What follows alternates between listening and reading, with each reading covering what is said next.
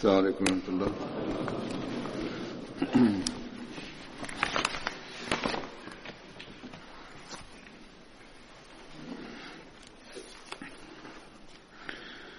أشهد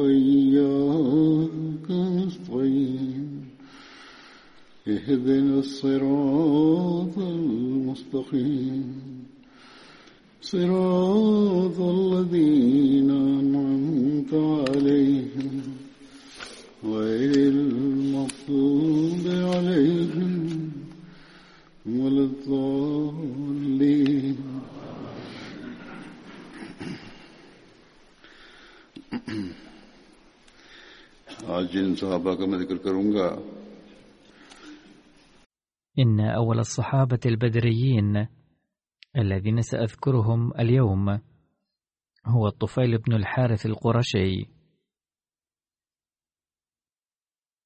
أمه سليخة بنت خزاعي.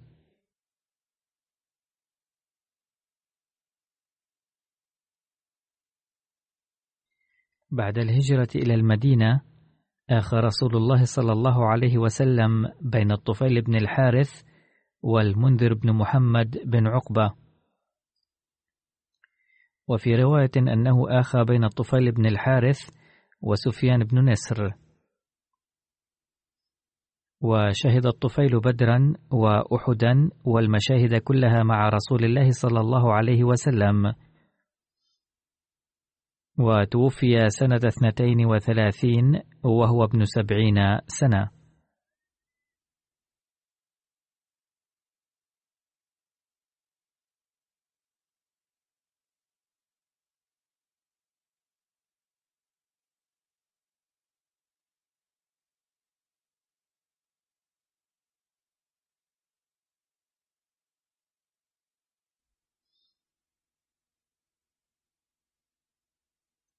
ثم هناك صحابي آخر اسمه سليم بن عمرو الأنصاري.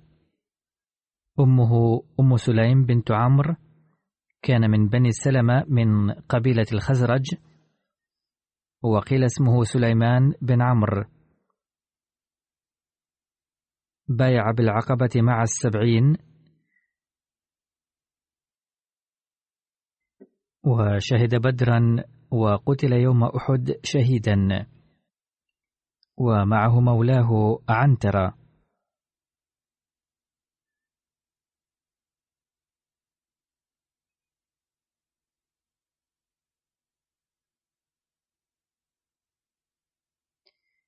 والصحابي الآخر هو سليم بن الحارث الأنصاري. كان من بني دينار من الخزرج وقيل أنه كان مملوكا لبني دينار. وقيل إنه أخو الضحاك بن الحارث.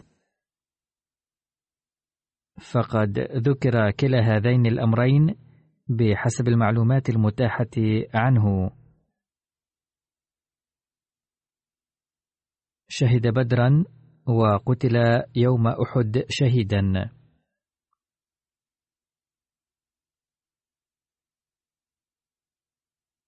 والصحابي الآخر هو سليم بن ملحان الأنصاري. والدته ملكة بنت مالك وهو خال أنس بن مالك وأخو أم سليم وأم حرام. أم حرام هي زوجة عبادة بن الصامت وأم سليم هي زوجة أبي طلحة الأنصاري وابنه أنس بن مالك خادم رسول الله صلى الله عليه وسلم.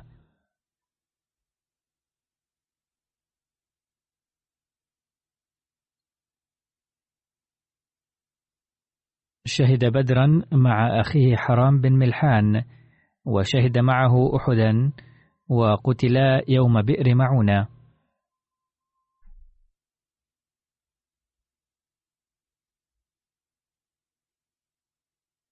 كانت سرية المنذر بن عمرو الساعدي إلى بئر معونة في صفر على رأس ستة وثلاثين شهرا من مهاجر رسول الله صلى الله عليه وسلم. قدم عامر بن مالك بن جعفر على رسول الله صلى الله عليه وسلم فأهدى له فلم يقبل منه.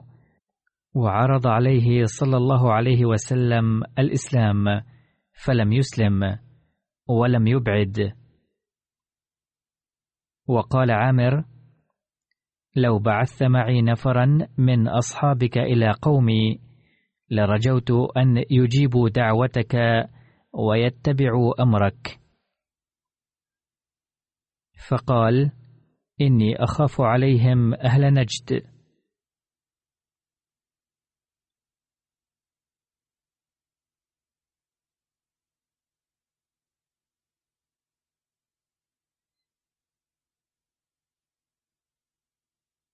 فقال أنا لهم جار أن يعرض لهم أحد.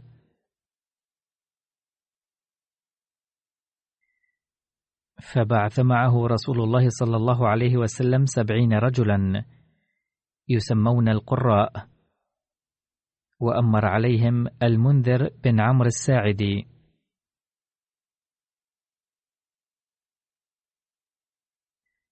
لقد ذكر هذا الحادث من قبل أيضا فلما نزلوا ببئر معونة وهو ماء من مياه بني سليم وهو بين أرض بني عامر وأرض بني سليم. نزلوا عليها وعسكروا بها وسرحوا ظهرهم وقدموا حرام بن ملحان بكتاب رسول الله صلى الله عليه وسلم إلى عامر بن الطفيل.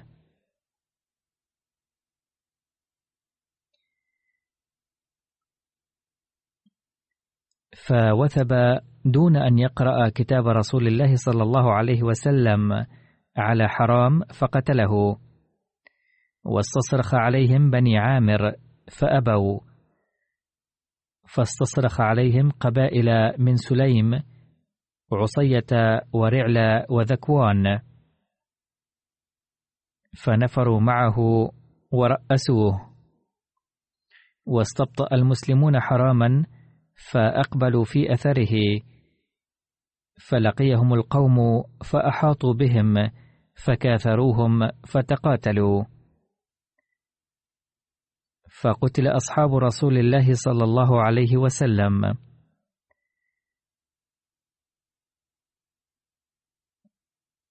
وفيهم سليم بن ملحان والحكم بن كيسان في سبعين رجلا. فلما أحيط بهم قالوا اللهم إنا لا نجد من يبلغ رسولك منا السلام غيرك فأقرئه منا السلام. فأخبره جبريل عليه السلام بذلك فقال وعليهم السلام.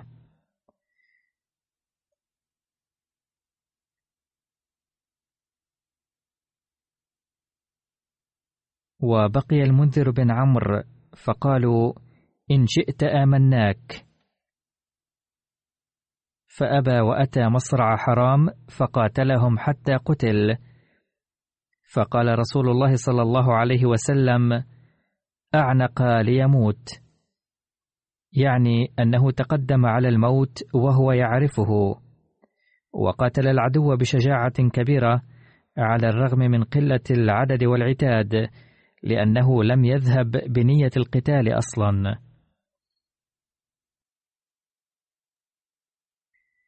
ثم هناك صحابي آخر اسمه سليم بن قيس الأنصاري. أمه أم سليم بنت خالد. وهو أخو خولة بنت قيس. زوجة حمزة بن عبد المطلب رضي الله عنهم. شهد بدرا وأحدا والخندق والمشاهد كلها مع رسول الله صلى الله عليه وسلم وتوفي في خلافة عثمان.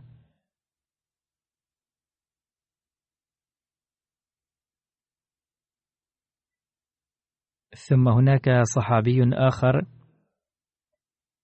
اسمه ثابت بن ثعلبة.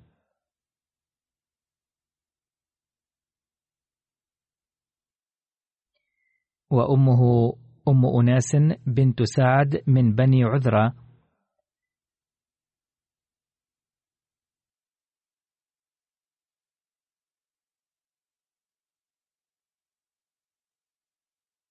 وهو الذي يقال له ثابت بن الجذع. والجذع ثعلبة بن زيد وسمي بذلك لشدة قلبه وصرامته. وكان لثابت من الولد عبد الله والحارث وأم أناس وأمهم أمامة بنت عثمان.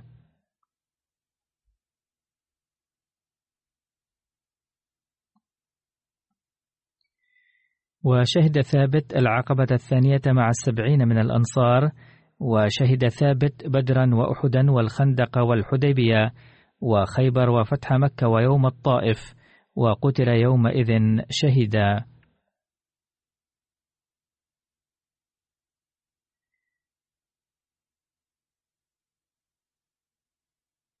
والصحابي الآخر هو سماك بن سعد بن ثعلبة.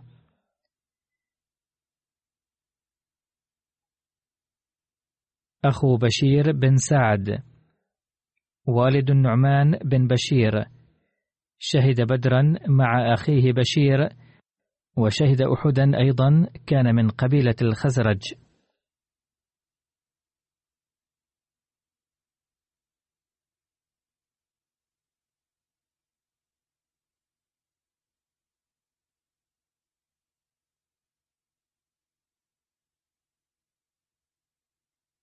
ثم الصحابي جابر بن عبد الله بن رئاب.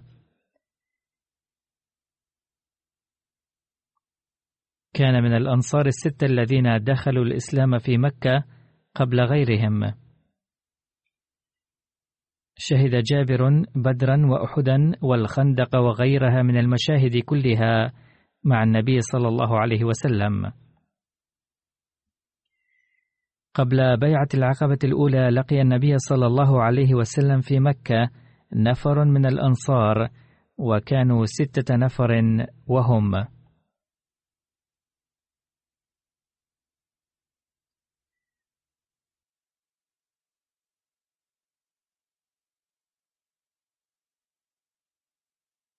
أسعد بن زرارة وعوف بن الحارث رافع بن مالك بن العجلان وقطبة بن عامر وعقبة بن عامر بن نابي وجابر بن عبد الله بن رئاب. فأسلموا فلما قدموا المدينة ذكروا لهم رسول الله صلى الله عليه وسلم.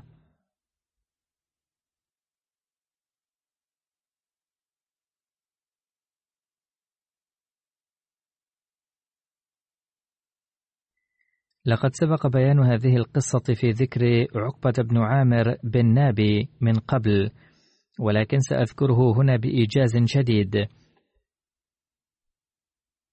لما انصرفوا من عند النبي صلى الله عليه وسلم قالوا إن الحروب الأهلية قد أضعفتنا ووقعت بيننا خلافات كبيرة.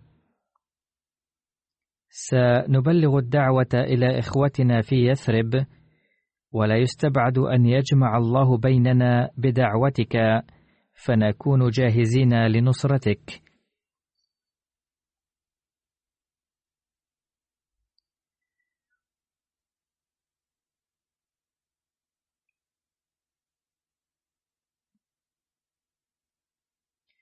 فانصرفوا وبواسطتهم بدأ الإسلام يشتهر.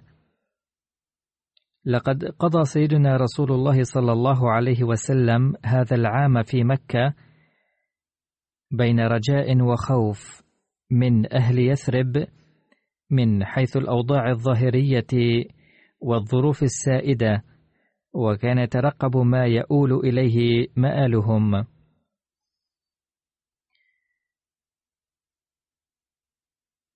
فهل سينال نجاحا في يثرب ويظهر له بصيص أمل أم لا؟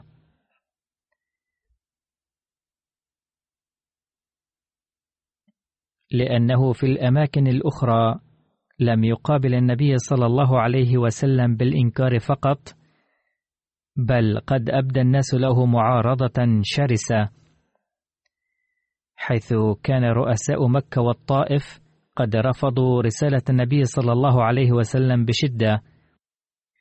وكانت القبائل الأخرى أيضا تأثروا بهم. ترفض الدعوة واحدة بعد الأخرى. ففي هذه الأوضاع ظهر بصيص من الأمل في المدينة إثر بيعة هؤلاء. إلا أن أمرهم أيضا لم يكن يبعث على الطمأنينة. فمن كان في وسعه القول إن هؤلاء الستة الذين ظهر فيهم بصيص أمل سيقدرون على مقاومة المصائب والاضطهاد إذا تصدى لهم العدو.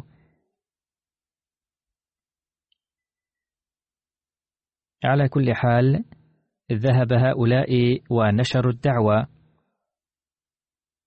وفي أثناء ذلك كان عداء أهل مكة ومعارضتهم في تزايد مستمر. وكانوا موقنين بأن هذا هو الوقت المناسب للقضاء على الإسلام. لأنه إذا خرج من مكة وبدأ ينتشر فسيتعذر القضاء عليه. لذا كانوا قد أبلغوا معارضتهم منتهاها. ومع ذلك كان النبي صلى الله عليه وسلم وأصحابه المخلصون الذين بايعوه وأسلموا ثابتين على موقفهم كالصخرة العاتية. ولم يكن شيء يزعزعهم عن الإسلام وتعليمه والتوحيد.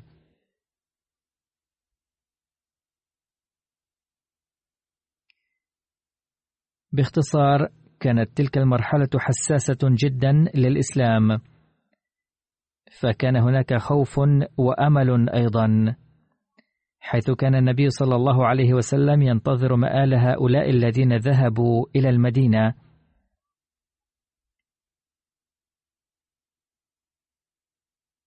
في العام التالي أيضا جاء وفد من المدينة بمناسبة الحج. فخرج النبي صلى الله عليه وسلم من بيته بمنتهى الشوق ووصل إلى العقبة جانب منى.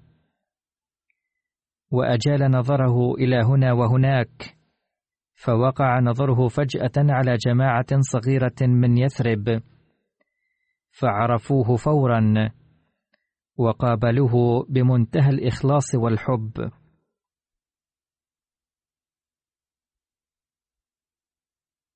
كان خمسة منهم قد بايعوه في العام الماضي وسبعة جدد من الأوس والخزرج كلتيهما. فأخذهم النبي صلى الله عليه وسلم بمعزل عن الناس إلى العقبة.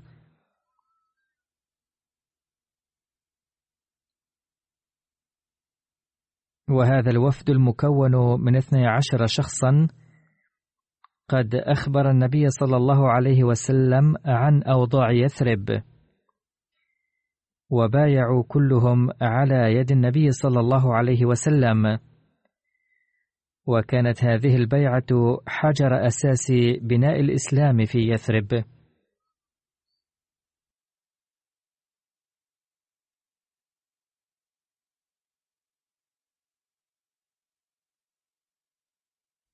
وبايعوا النبي صلى الله عليه وسلم على أنهم سيؤمنون بأن الله واحد. ولن يشركوا به ولن يسرقوا ولن يزنوا وسوف يتجنبون القتل ولن يتهموا أحدا وأنهم سيطيعونه صلى الله عليه وسلم في كل معروف.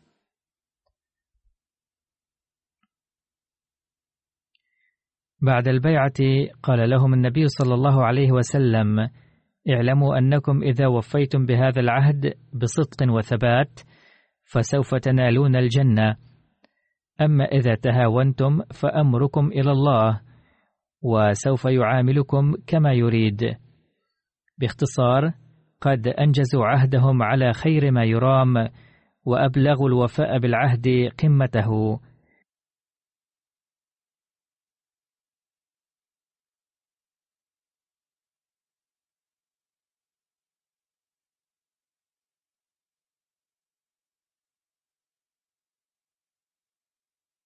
ونرى كيف انتشر الإسلام في المدينة بعده.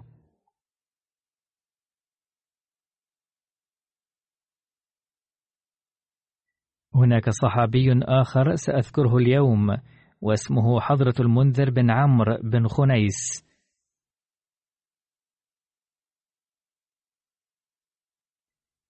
وكان لقبه المعنق ليموت أو المعنق للموت.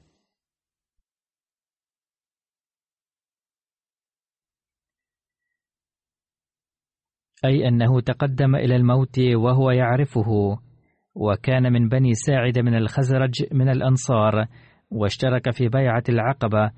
كان النبي صلى الله عليه وسلم قد عين حضرة المنذر بن عمرو وحضرة سعد بن عبادة رضي الله عنهما نقيبين لقبيلتهما بني ساعدة.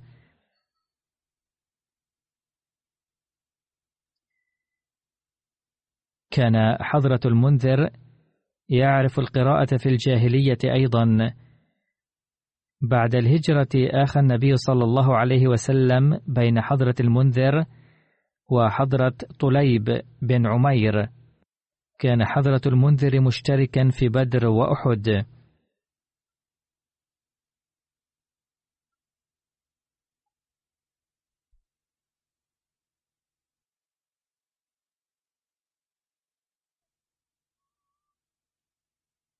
لقد كتب حضرة ميرزا بشير أحمد رضي الله عنه عن حضرة المنذر في كتابه سيرة خاتم النبيين أنه كان من بني ساعد من الخزرج وكان زاهد الطبع استشهد في حادثة بئر معونة وتفصيل حادثة بئر معونة قد ذكر سابقا في ذكر الصحابة الآخرين.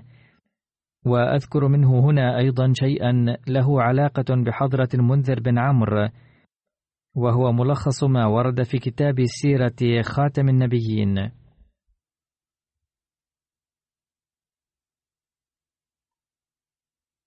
كانت قبيلتا سليم وغطفان مقيمتين في نجد في وسط القبائل العربية وكانتا تتآمران مع قريش مكة ضد المسلمين. وكانوا يتآمرون فيما بينهم كيف يمكن القضاء على الإسلام؟ وكانت شرور هذه القبائل تزداد تدريجيا وكانت نجد كلها مملوءة بسم معاداة الإسلام. وكان لذلك تأثير. ففي تلك الأيام جاء إلى النبي صلى الله عليه وسلم أبو براء عامر وهو رئيس بني عامر في وسط العرب.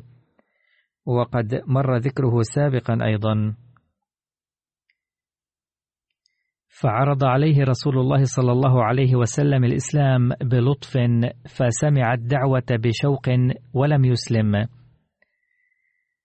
ثم قال للنبي صلى الله عليه وسلم يا محمد لو بعثت معي رجالا من أصحابك إلى أهل نجد يدعونهم إلى أمرك رجوت أن يستجيبوا لك. قال أخشى عليهم أهل نجد. قال أبو البراء أنا لهم جار.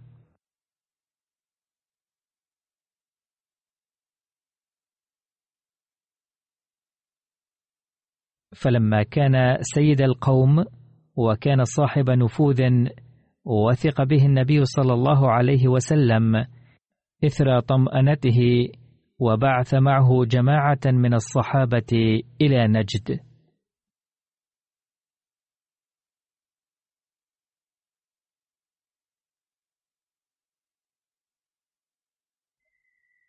يقول حضرة ميرزا بشير أحمد رضي الله عنه إن هذه الرواية من التاريخ بينما ورد في رواية البخاري أن النبي صلى الله عليه وسلم أتاه رعل وذكوان من بني سليم. وغيرهما من القبائل فزعموا أنهم قد أسلموا واستمدوه على قومهم المعارضين للإسلام ولم يذكروا أي نوع من المدد يريدون. أي يريدون كتيبة للدفاع أو من ينشر الدعوة.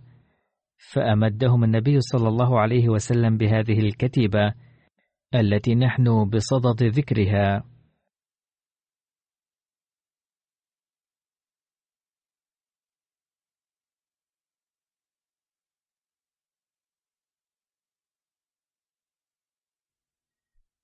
يقول حضرة ميرزا بشير أحمد رضي الله عنه من سوء الحظ حدث اختلاط في تفاصيل حادثة بئر معونة في روايات البخاري مع حادثة أخرى. ولا تتبين الحقيقة من روايات التاريخ والبخاري.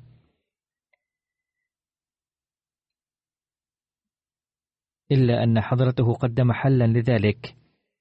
يقول بسبب ذلك لا تستبين الحقيقة جيدا باختصار نعرف يقينا أن في تلك الفترة جاء أناس من رعل وذكوان وغيرهما إلى النبي صلى الله عليه وسلم وطلبوا منه إرسال بعض الصحابة معهم. قال بشير أحمد رضي الله عنه إذا أردنا التوثيق بين هاتين الروايتين أي إذا أردنا إيضاح العلاقة والتوفيق بينهما فيمكن أن يكون على النحو التالي. بأن يكون أبو البراء العامري زعيم قبيلة بني عامر أيضا قد جاء مع أناس من رعل وذكوان وهو قد بدأ الحديث مع النبي صلى الله عليه وسلم نيابة عنهم.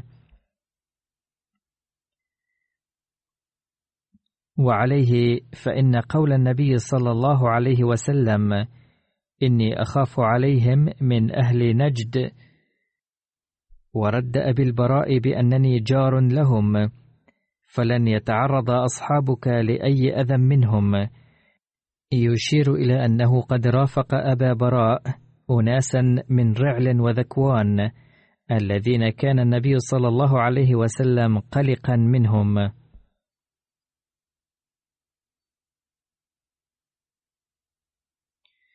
على أي حال بعث النبي صلى الله عليه وسلم المنذر بن عمرو الأنصاري في صفر عام أربع للهجرة أميرا على سرية من سبعين من الصحابة معظمهم كانوا من الأنصار.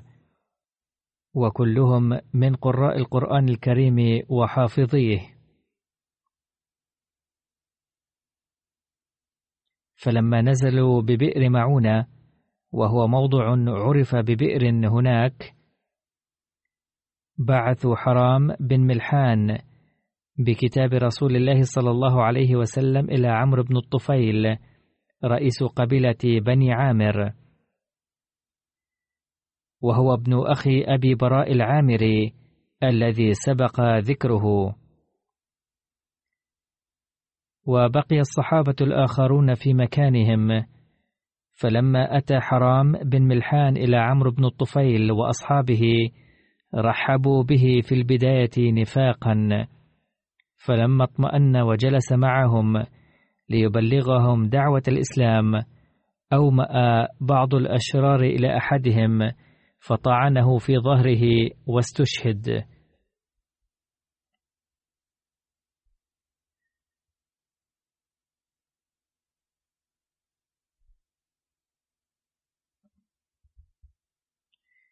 وكان على لسانه وقت استشهاده. الله أكبر فزت ورب الكعبة. لم يكتفي عمرو بن الطفيل بقتل رسول رسول الله صلى الله عليه وسلم بل استصرخ على أصحاب النبي صلى الله عليه وسلم بني عامر فأبوا أن يجيبوه إلى ما دعاهم إليه كما ذكر. أما الزائد في هذه الرواية هو أنهم قالوا لن نغفر أبا البراء وقد عقد لهم عقدا وجوارا. فاستصرخ عليهم قبائل من سليم وعصية ورعلا وذكوان. فخرجوا حتى غشوا هذه الجماعة القليلة من المسلمين العزل.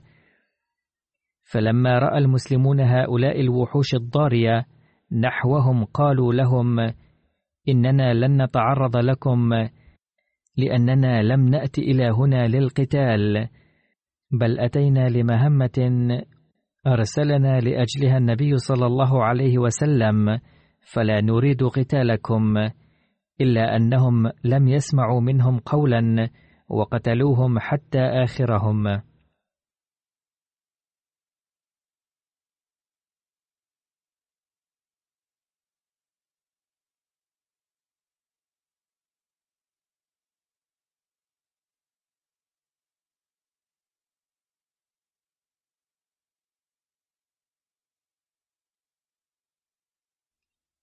لقد ورد في التاريخ أنه لما أخبر جبريل عليه السلام النبي صلى الله عليه وسلم عن شهداء بئر معونة فقال النبي صلى الله عليه وسلم عن المنذر بن عمرو أعنق ليموت.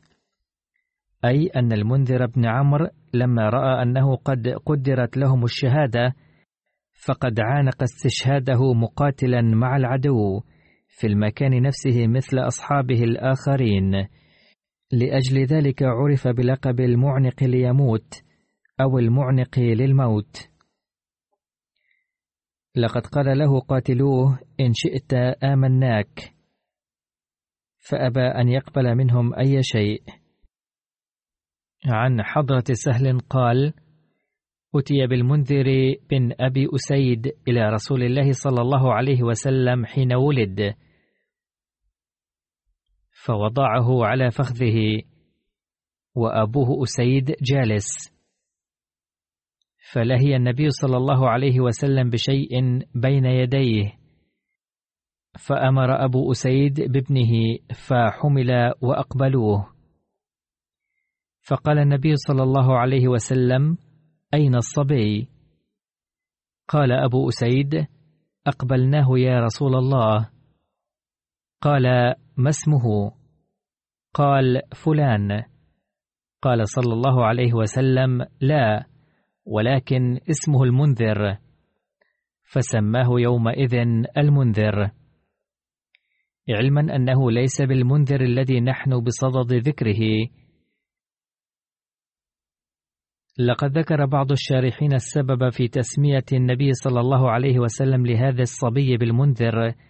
لأن المنذر بن عمرو كان عم أبي أسيد وهو الصحابي الذي ذكرنا استشهاده في بئر معونة. فقد يكون تسمية ابنه بالمنذر تفاؤلا ليكون خلفا طيبا للمنذر بن عمرو. وكان النبي صلى الله عليه وسلم يسمي أقارب بعض أحبائه بأسمائهم ليحيي بذلك أسماء هؤلاء الأحباء.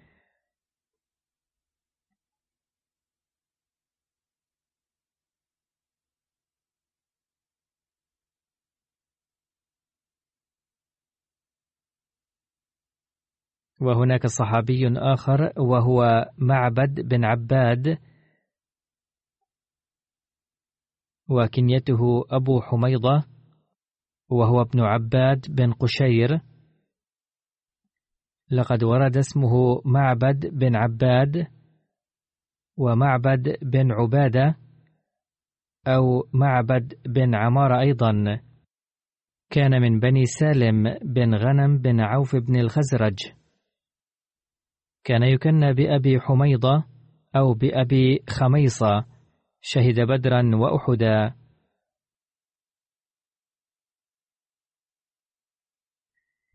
ثم هناك صحابي آخر وهو عدي بن أبي الزغباء الأنصاري. واسم أبي الزغباء سنان بن سبيع توفي في عهد عمر رضي الله عنه.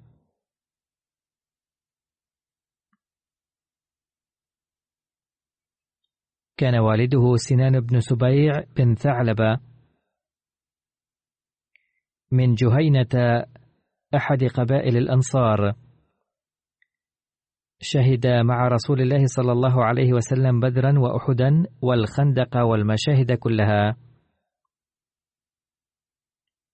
بعثه رسول الله صلى الله عليه وسلم مع بسبس بن عمرو يتجسسان خبر أبي سفيان في وقعة بدر. فسارا حتى أتيا قريبا من ساحل البحر. فلما وردا بدرا أناخا بعيرهما إلى تل كان قريبا من الماء. واستقيا في شن لهما من الماء. وكان شخص من جهينة اسمه مجد بن عمرو هنالك. فسمعا جاريتين تقول إحداهما لصاحبتها إنما تأتي العير غدا أو بعد غد فأعمل لهم ثم أقضيك الذي لك. فخلص بينهما مجد بن عمر وقال صدقت وسمع ذلك بسبس وعدي فجلسا على بعيرهما حتى أتيا رسول الله صلى الله عليه وسلم فأخبراه الخبر.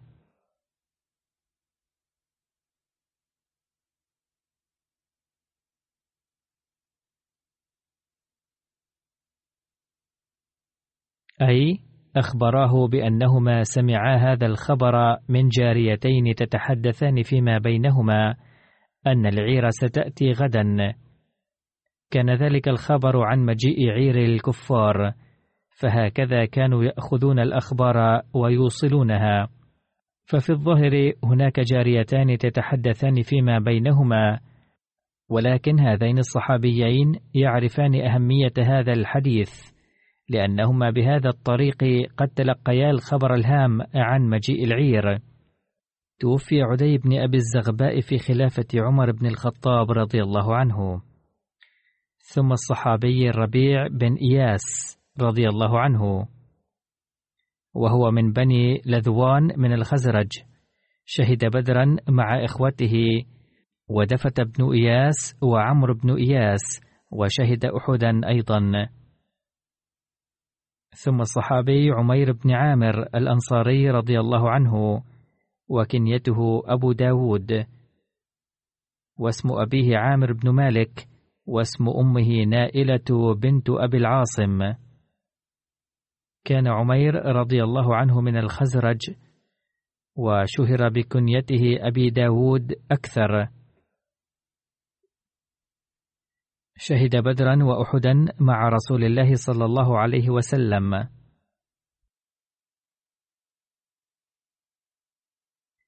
عن أم عمارة أن أبا داود المازني أي عمير وصليط بن عمرو ذهبا يريدان أن يحضرا بيعة العقبة فوجدوهم قد بايعوا.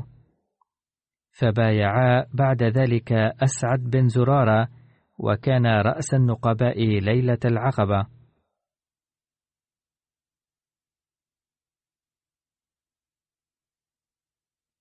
وبحسب رواية أن من قتل أبا البختري يوم بدر هو عمير بن عامر رضي الله عنه.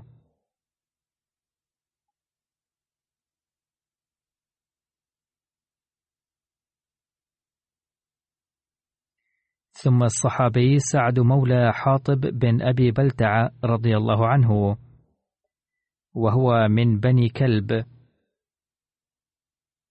سعد بن خولة عفوا اسمه خولي وليس خولة. وكان حاطب بن أبي بلتع قد حرره. كان من بني كلب. وقال أبو معشر هو من مذحج وقيل هو من الفرس. شهد بدرا أصابه سباء فصار مولى حاطب بن أبي بلتعة. وكان حاطب بن أبي بلتعة يعامله بالحسنى والكرم. شهد سعد مع حاطب بن أبي بلتع بدرا وأحدا واستشهد يوم أحد. وفرض عمر بن الخطاب رضي الله عنه لابنه عبد الله بن سعد في الأنصار.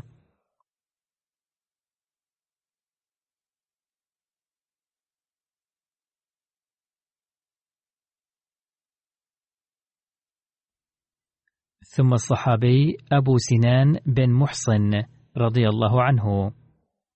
وأبوه محصن بن حرثان. وكنيته أبو سنان. واسمه وهب بن عبد الله. وقيل عبد الله بن وهب. والأصح كما ورد في التاريخ هو وهب بن محصن. وكان أبو سنان بن محصن. أخا عكاشة بن محصن.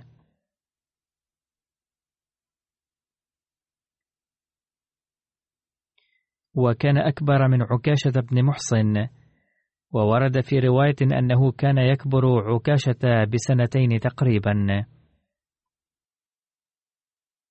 وقد تعددت الروايات عن ذلك فقال البعض عشر سنوات والبعض الآخر عشرين سنة. وكان اسم ابنه سنان بن أبي سنان شهد بدرا وأحدا والخندق. وفي بعض الروايات أن أول من بايع رسول الله صلى الله عليه وسلم تحت الشجرة هو أبو سنان بن وهب ولكنه ليس صحيحا. لأن أبي سنان مات في حصار بني قريضة في الخامس للهجرة وهو ابن أربعين عاما والذي بايع بيعة الرضوان هو ابنه سنان بن أبي سنان. ومات أبو سنان بن محصن والنبي صلى الله عليه وسلم محاصر بني قريضة فدفنه النبي صلى الله عليه وسلم في مقبرة بني قريظة.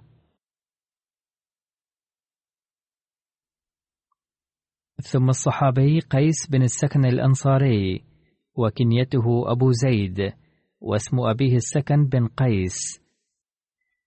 وهو من بني عدي بن النجار الأنصاري الخزرجي. غلبت عليه كنيته أبو زيد وشهد بدرا وأحدا والخندق والمشاهد كلها مع رسول الله صلى الله عليه وسلم. وهو أحد الصحابة الأنصار الذين جمعوا القرآن على عهد رسول الله صلى الله عليه وسلم. عن أنس بن مالك رضي الله عنه منا أربعة جمعوا القرآن على عهد رسول الله صلى الله عليه وسلم. أبي بن كعب ومعاذ بن جبل وزيد بن ثابت وأبو زيد أي قيس بن السكن وقال أنس هو أحد عمومتي.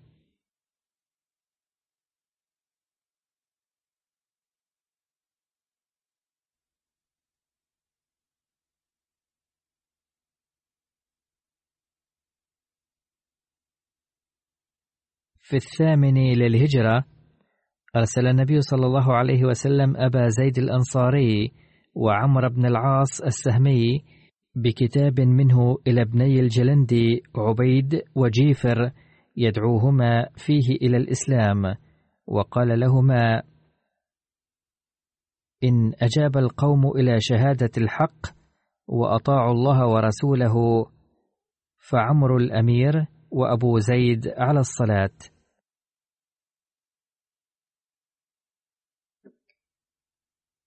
لعل أبا زيد كان أحسن من عمر دينا أو كان أعلم منه بالقرآن الكريم.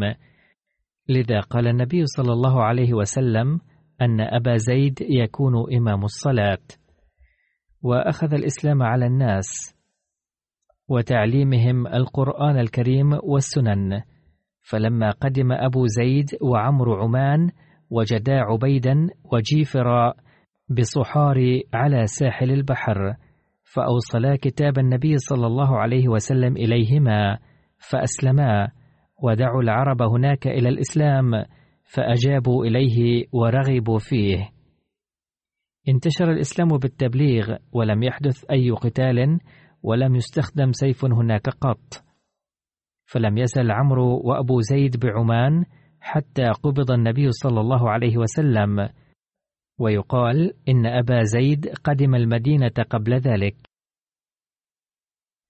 استشهد قيس في يوم الجسر في عهد عمر رضي الله عنه إذ مد جسر على نهر فرات أثناء الحرب مع الفرس لذا سميت هذه المعركة بيوم الجسر.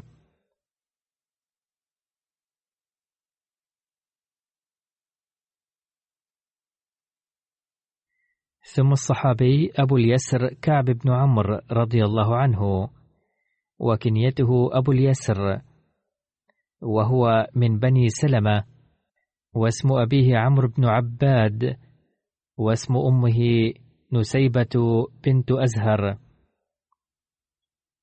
وهي من بني سلمة أيضا.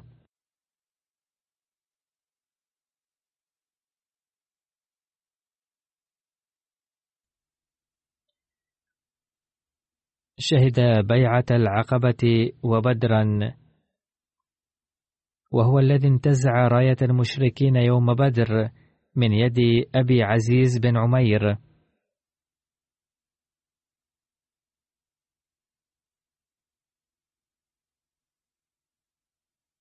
ثم شهد المشاهد مع رسول الله صلى الله عليه وسلم. وبعده صلى الله عليه وسلم شهد صفين مع علي بن أبي طالب رضي الله عنه.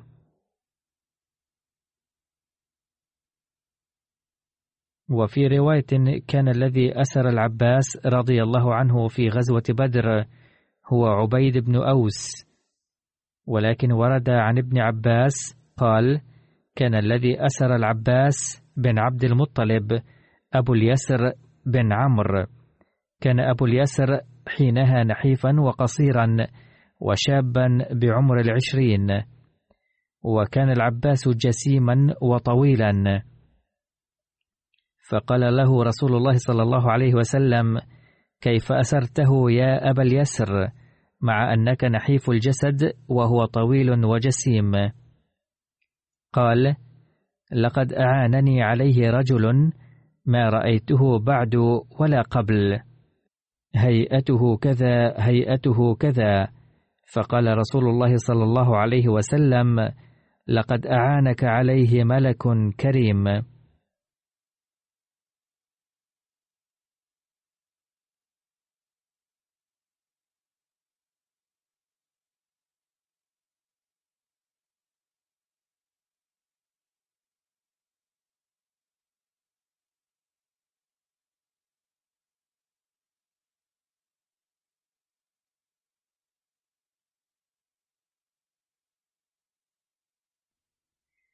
عن ابن عباس رضي الله عنه أن النبي صلى الله عليه وسلم قال يوم بدر أن من قتل عدوا كان له كذا وكذا. لذلك قتل المسلمون سبعين مشركا وأسروا سبعين. جاء أبو اليسر بأسيرين وقال يا رسول الله لقد وعدتنا أن من قتل منهم أحدا فله كذا وكذا ومن أخذ منهم أسيرا فله كذا وكذا. وها قد جئتك بأسيرين. وفي رواية أن أبا اليسر هو الذي قتل أبا البختر يوم بدر.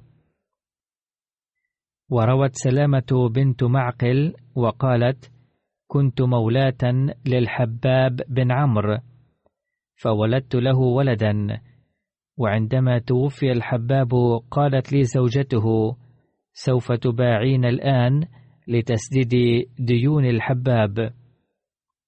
أي أنك أمة وسوف نبيعك الآن. تقول سلامة. فجئت النبي صلى الله عليه وسلم وأخبرته الخبر. فقال رسول الله صلى الله عليه وسلم للناس من ولي الحباب في تركته؟ قيل أخوه أبو اليسر بن عمرو.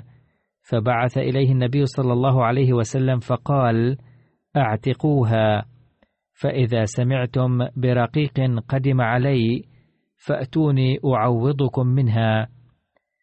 وهكذا كان وأعتقها الرسول صلى الله عليه وسلم وأعطى أبا اليسر غلاما عوضا عنها.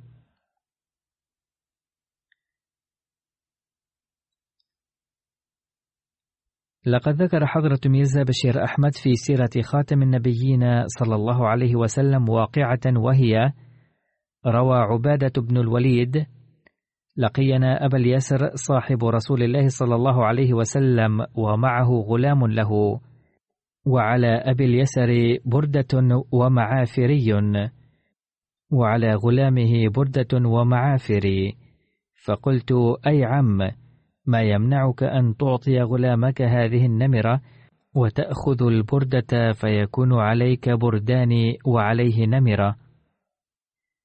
فمسح على رأسي ودعا لي وقال يا ابن أخي أشهد لرأيته بعيني وسمعته بأذني ووعاه القلب أن رسول الله صلى الله عليه وسلم قال: أطعموهم مما تأكلون واكسوهم مما تكتسون. يا ابن أخي، لأن أعطي غلامي نصيبا مساويا من متاع الدنيا أحب إلي من أن ينقص من ثوابي في الآخرة.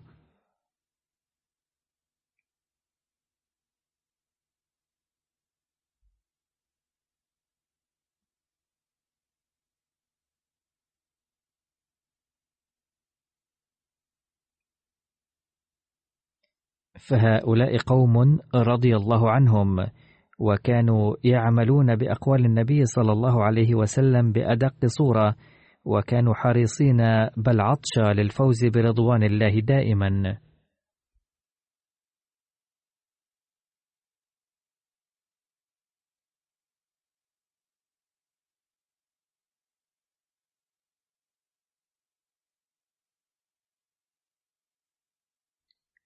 وروى أبو اليسر كان لي على فلان من بني حرام دين فجئت أبتغيه. فسلمت على الباب وقلت هل هو في البيت؟ فقيل لا. ثم خرج إلي وليد أي جاءني من البيت ولد لم يبلغ الحلم.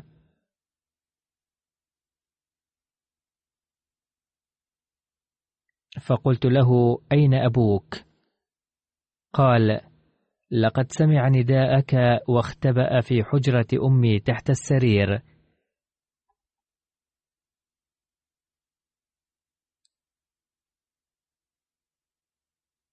فناديت أن اخرج إلي يا فلان فقد علمت أين أنت. يقول أبو اليسر فخرج إلي. فقلت ما حملك على أن تختفي عني؟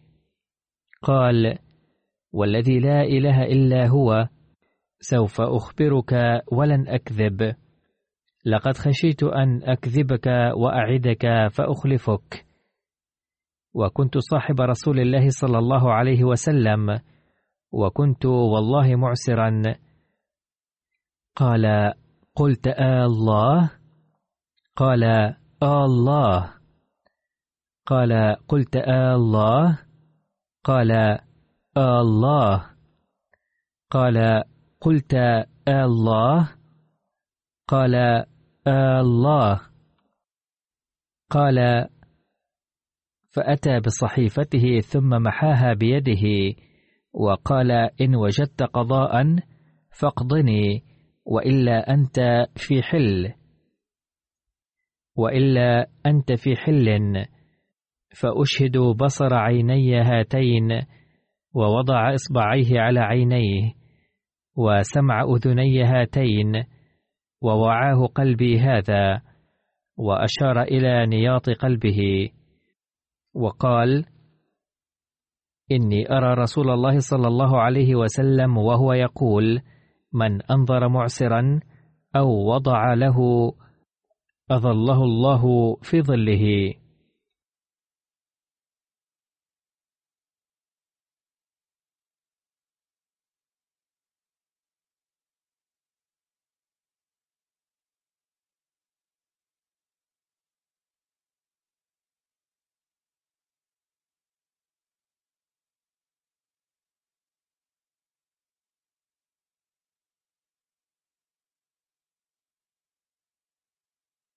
أي ها قد وضعت عنك العبء لأني محتاج إلى ظل الله تعالى.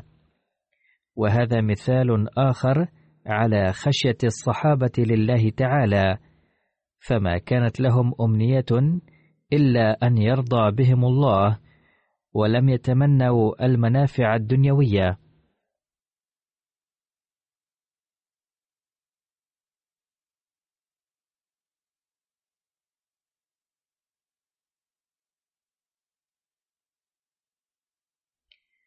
كان حضرة أبي اليسر كعب بن عمرو حذرا ومحتاطا جدا في بيان الأحاديث.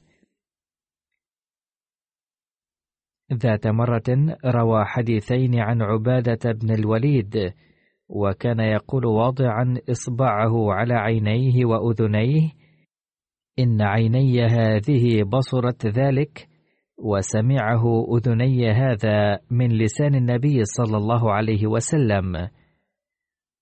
كان اسم أحد أبنائه عميرا من بطن أم عمرو وكانت أم عمرو عمة حضرة جابر بن عبد الله وكان أحد أبنائه يزيد بن أبي اليسر من بطن لبابة بنت الحارث وكان أحد أبنائه حبيبا وكانت أمه أم ولد وكان اسم ابنته عائشة واسم أمها أم الرياع.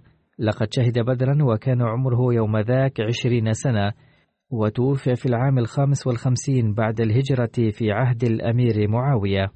كان لهؤلاء الرجال شأن عجيب فقد علمونا أساليب الوفاء لله تعالى وخشيته تعالى أيضا وعلمونا أساليب الطاعة الكاملة للنبي صلى الله عليه وسلم قبولا لأقواله من أعماق القلوب رفع الله درجاتهم.